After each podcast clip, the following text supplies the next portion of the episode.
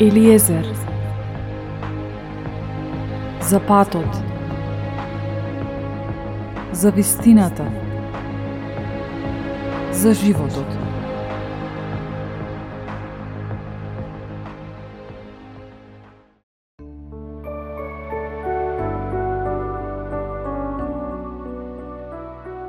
Приклонете го увото и дојдете при мене.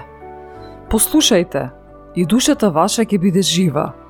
Ќе ви дадам вечен завет, неизменливи милости, ветени на Давид. Ете, него го дадов светок за народите, водач и заповедник на народите.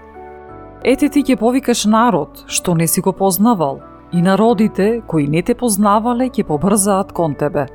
Заради Господа, твојот Бог, заради светецот Израилев, зашто Он те прослави – Барајте го Господа, кога можете да го најдете, викајте го додека е близу. Нечесниот нека го остави патот свој, и беззаконникот помислите своји и нека се обрне кон Господа, нашиот Бог. И Он ќе го помилува, зашто е многу милостив. Моите мисли не се ваши мисли, ниту вашите патишта се мои патишта, вели Господ. Но како што е небото повисоко од земјата, така се и моите патишта повисоки од вашите патишта, и мислите мои повисоки од вашите мисли. Како што дождот и снегот паѓаат од небото и таму не се враќаат, туку ја напојуваат земјата и ја прават способна да раѓа и да зелене, за да му дава семе на оној што сеи леп на оној кој јаде. Така и моето слово, што излегува од устата моја, не се враќа кон мене празно, туку го исполнува она што му е угодно и го прави она за што сум го испратил јас. Почитувани, какви се нашите мисли? Какви се нашите патишта? Дали нашиот ум е продуктивен? Започнува Елиезер, со мене Елена.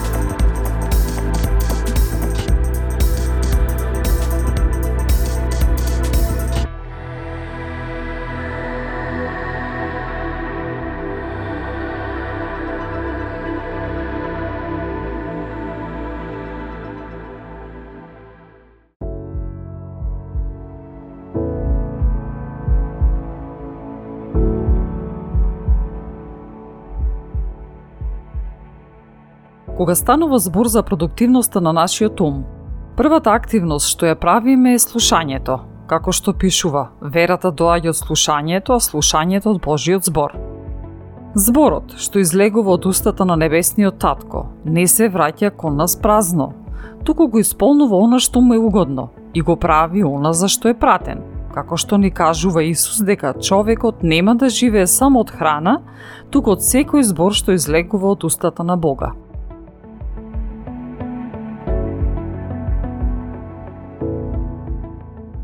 Какви зборови произведуваат нашите мисли? Треба да го слушнеме Божиот збор, да го примиме и да го вселиме во нашето срце, за да произведе добри плодови. Колку Божји ветувања за просперитет што се напишани во Божиот збор се дел од нашиот живот. Го гледаме ли Божиот збор реализиран? Во која област гледаме просперитет, а во која не гледаме или пак помалку? Дали во областа финансии, дали во областа здравје, дали во областа семејство, дали во кариерата?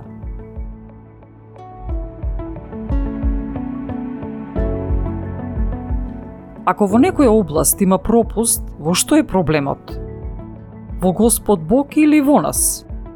Веќе знаеме дека Бог е совршен, седржител, семоќен. А ние, ги имаме ли неговите мисли? Како што ни вели Исус, бидете свети како што е мојот татко свет. Дали сме свети? Некои повеќе, некои помалку. Затоа, нам постојано ни е потребно усовршување, промена, обнова и затоа Бог ни вели. Нечесниот нека го остави патот свој и беззаконикот помислите свој и нека се обрне кон Господа, нашиот Бог, и Он ќе го помилува, зашто е многу милостив. Моите мисли не се ваши мисли, ниту вашите патишта се мои патишта, вели Господ но како што е небото повисоко од земјата, така се и моите патишта повисоки од вашите патишта, а мислите мои повисоки од вашите мисли.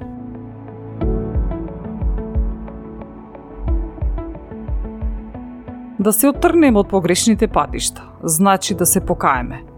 А значењето на зборот покаяние е промена на умот. А што е нашиот ум? Нашиот ум е линија, низа од мисли, значи ние треба да го промениме нашиот ум, нашите мисли, да ги замениме со Божите мисли, да направиме размена. Ако ги промениме нашите мисли, тогаш ќе добиеме исполнување на Божиот збор во нашиот живот.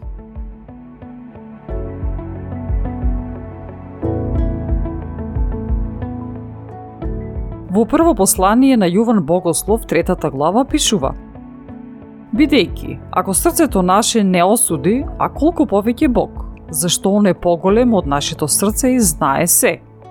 Возлюбени, кога нашето срце не не осудува, тогаш ние имаме слобода пред Бога. И што и да побараме, добиваме од Него, бидејќи ги пазиме Неговите заповеди и правиме што е благогодно пред Него. Веруваме ли дека се можеме да добиеме од нашиот небесен татко? Ќе ни даде ли се што ќе побараме? Секако дека ќе ни даде. Штом тој го даде својот единороден син за да не спаси, се останато е ситница. Што правиме кога се молиме? Бараме. Бараме да го положиме испитот, бараме да запознаеме добри луѓе, бараме да имаме слога во бракот, бараме да имаме финанси да купиме куќа, да бидеме здрави и што уште не.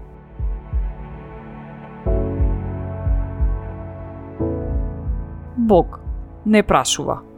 И така, ако вие, кои сте зли, знаете да им давате добри дарови на своите чеда, колку повеќе вашиот татко кој е во небесата ќе им даде добра на оние кои го молат. Барај и ќе ти се даде, чукај и ќе ти се отвори.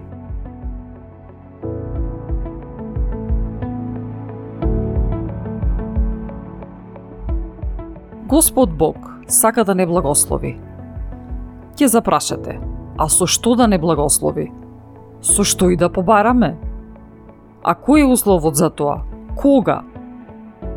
Како што гласи стихот, кога нашето срце не не осудува, тогаш ние имаме слобода пред Бога. А кога не осудува нашето срце? Тогаш кога сме погрешиле, а потоа не сме се покајале за тоа бидејќи во послание до римјаните пишува И сега нема осудување за оние кои се во Исус Христос и живеат не по телото, а по духот. Затоа што законот на духот не ослободи од законот на гревот и на смртта. Затоа, покајанието е клучот за продуктивен ум. Бидејќи со покаяние ние го менуваме умот, го менуваме нашето размислување, нашето однесување, се оттргнуваме од погрешните патишта и ги прифаќаме Божите патишта и мисли.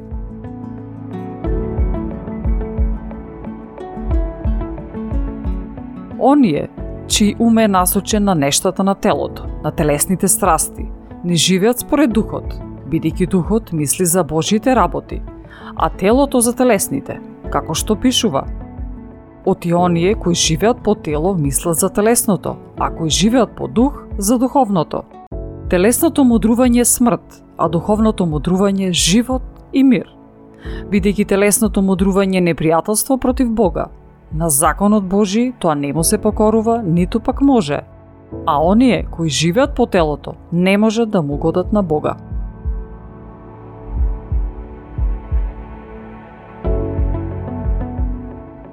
Милоста е вистината дојдоа преку Исус Христос, што значи спасени сме по милост, а милоста е дар од Бога, што значи не е од нас. Во послание до Римјаните 12.2 пишува И не управувајте се според овој век, туку преобразете се преку вашиот обновен ум, за да можете да познавате која е добрата, угодна и совршена волја Божја. Што значи потребно да го промениме умот, нашите мисли, А како ќе го направиме тоа? Преку верата. Верата е таа која ќе ни помогне да го обновиме умот. Веруваме дека преку нашето покаяние ги менуваме нашите мисли. Старите мисли ги отфрламе и ги земаме Божите. А Бог секогаш е тука да ни помогне да ги прифатиме неговите мисли. Тој не не осудува, туку на секој може начин ни помага да ги прифатиме неговите мисли и со тоа да бидеме благословени.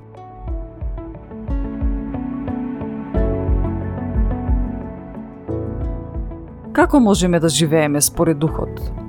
Преку мислите, не преку почитување на многу правила, не преку придржување до одредени ритуали, туку преку правилното мислење. Изгледа лесно, нели? Токму заради тоа можеме и да успееме. Светото писмо вели дека Божиот збор е како дошт што паѓа од небесата. Тој не се враќа до Бог напразно, туку ќе просперира се што изговорил. Ветувањата Божи се само да и амин. Господ Бог не ни го дал неговиот збор напразно, без функција и цел. Ние мораме да мислиме правично. А што е тоа? Тоа се мисли на милост, мисли на вера, мисли за тоа како Бог сака да не благослови, да ни помогне да ги примиме сите благослови.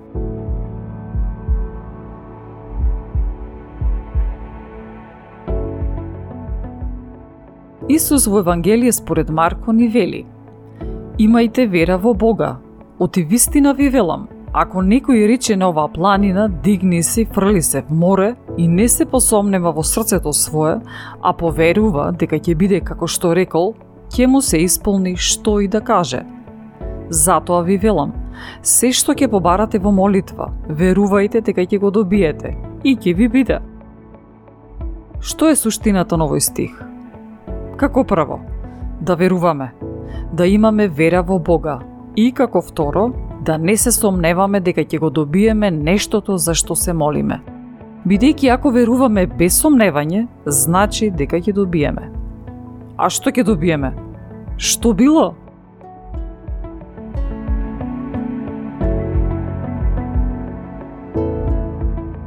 Зборот сомнеш значи втора мисла, а неодлучниот човек наликува на човек кој има два умови. Тој човек е нестабилен на сите негови патишта. Како да не се сомневаме? Доколку веруваме? А во што да веруваме? Во Божиот збор. Да веруваме значи дека имаме доверба, а благодарение на верата ние веќе добивме. Например, верата ни вели, оди по водата, а верувањето ни вели, да, можеш да му веруваш на тој збор. Во послание до евреите 11 глава пишува Верата е жива представа за она на кој се надеваме и докажување на она што не се гледа. Оние кои доаѓаат при Бога треба да веруваат оти Он постои и дека ги наградува оние што го бараат. Сите ние имаме некаква вера, но прашањето е дали веруваме. Верувањето е имање доверба во верата – Неодлучноста го зголемува сомнежот, а тоа придонесува да не веруваме, а тоа доведува до ситуација да не примиме. Верата е дар од Бога, а верувањето е нашиот дел што му го возвраќаме на Бога. Нашето верување му покажува немо дека веруваме во верата што ни ја ставил во срцето. Затоа и се молиме бидејќи имаме вера. Но дали веруваме дека нештото за што се молиме ќе го добиеме?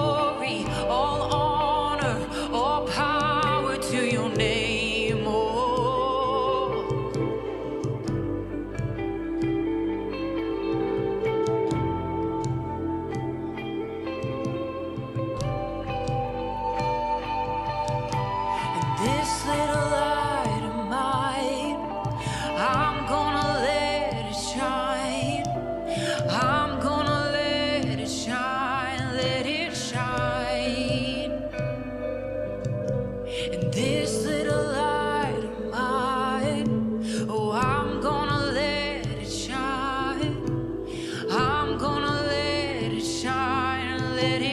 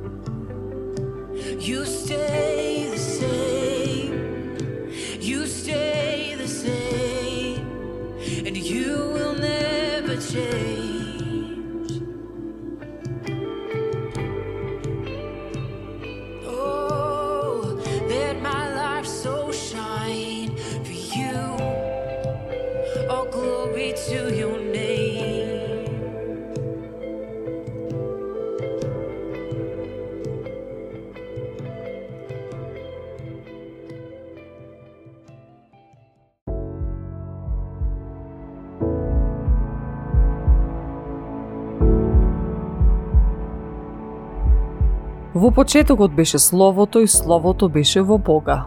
И Бог беше Словото. Словото дојде на земјата во физичка форма, тоест во Исус Христос. Но некои не го примија, а на оние што го примија и поверуваа им даде мојк да бидат и да се наречат Божји деца. Не можеме да примиме доколку не поверуваме. Исус ни вели, секој што ќе го повика името Господово ќе се спаси. Ако не ми верувате кога ви зборувам за земни работи, како ќе ми верувате ако ви зборувам за небесни работи?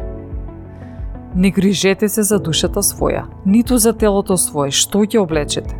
Зашто душата е многу поскапа од храната и телото од облеклото. Па зато и вие не барајте што ќе јадете или што ќе пиете и не се загрижувајте. Сето тоа го бараат и незнабожците на овој свет, а вашиот Отец знае дека тоа ви е потребно но барајте го Царството Божјо и сето тоа ќе ви се придаде.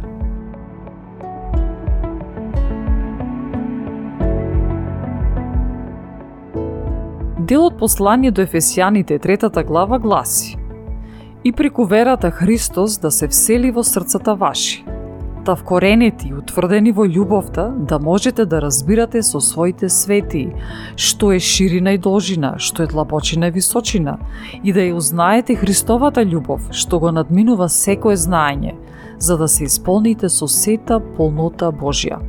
А на оној кој според силата што е во нас действува, може да изврши изобилно се, што бараме или помислиме.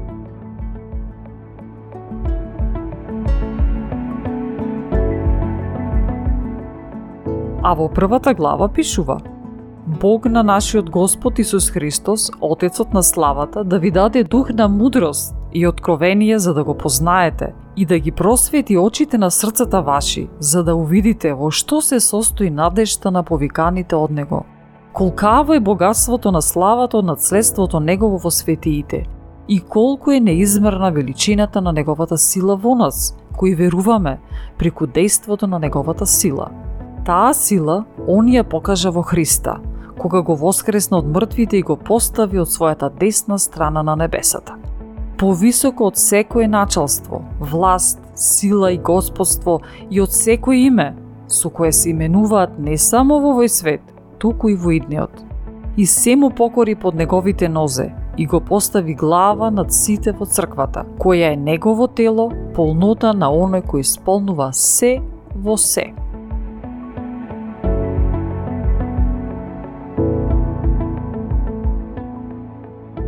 Од сето ова, што можеме да заклучиме? Што треба да направиме?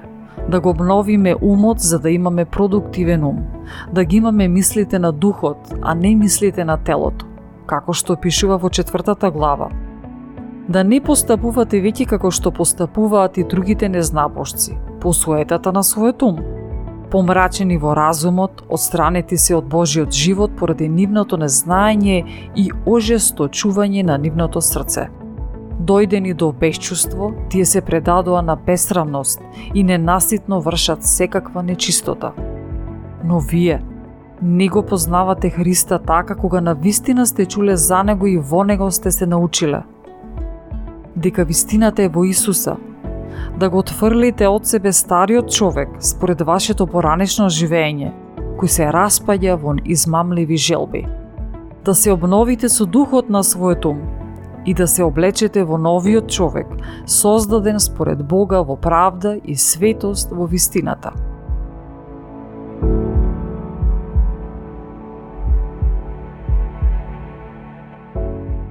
Верата ни е во Бога, Нашето верување прави нашата вера во Бог да премине во доверба.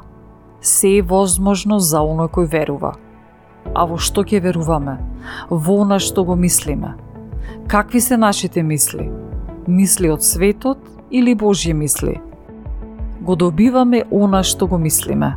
Мора да го согласиме она што нашата уста го зборува со она што нашиот ум го мисли.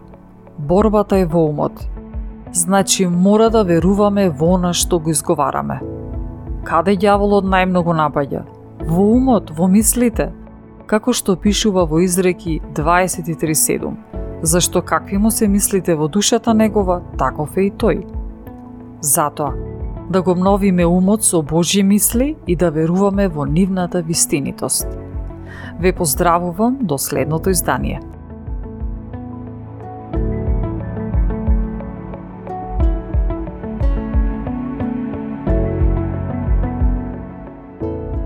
Ја следевте емисијата Елиезер со Елена Ѓорѓевска Костадиновиќ.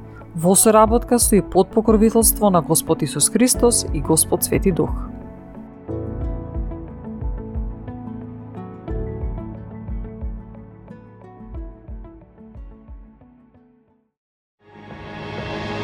Елиезер